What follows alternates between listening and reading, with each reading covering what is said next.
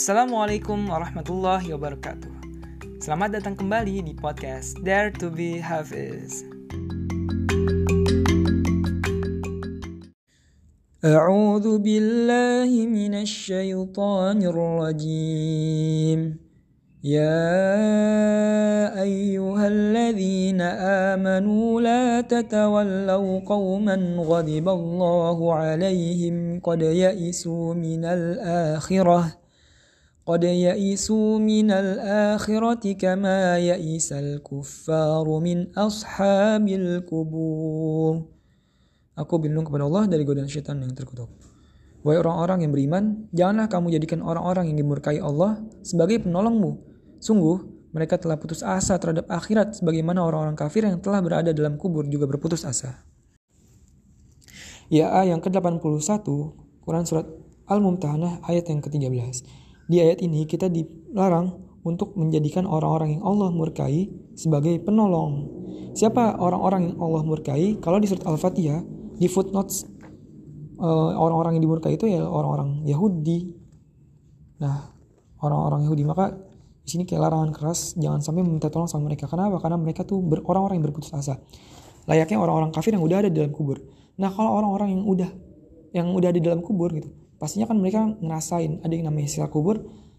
Kalau misal orang yang apa namanya beriman mungkin akan ditemani sama orang-orang uh, sama sama teman yang bercahaya semacamnya gitu. Terus lapang uh, kuburnya dilapangkan semacamnya tapi kalau orang-orang yang kafir pasti kan mereka dapat sisa kubur.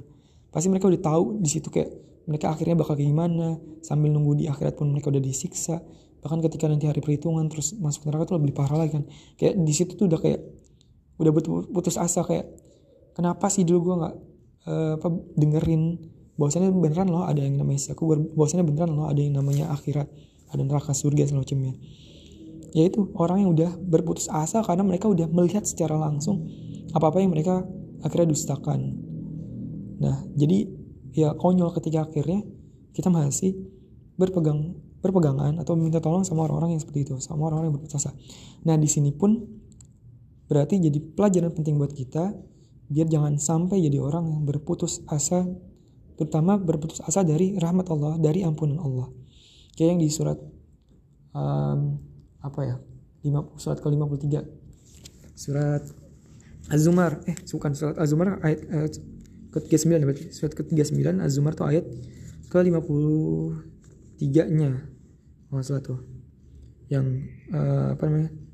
Katakanlah kepada orang-orang beriman gitu bahwasanya orang Allah tuh mengampuni dosa mereka gitu walaupun sebanyak apa pun dosa mereka atau yang di surat uh, Inna Allah yaghfiru dzunuba itu kan kata-katanya gitu.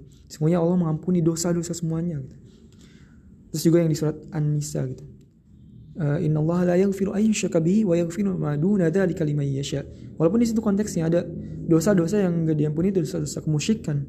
Tapi itu konteksnya ketika udah mati dalam keadaan musyrik. Tapi ketika masih hidup walaupun pernah melakukan kesyirikan tadi insya Allah ya kalau misalnya tobatnya bener Allah bakalan ampuni lah pastinya. Gitu.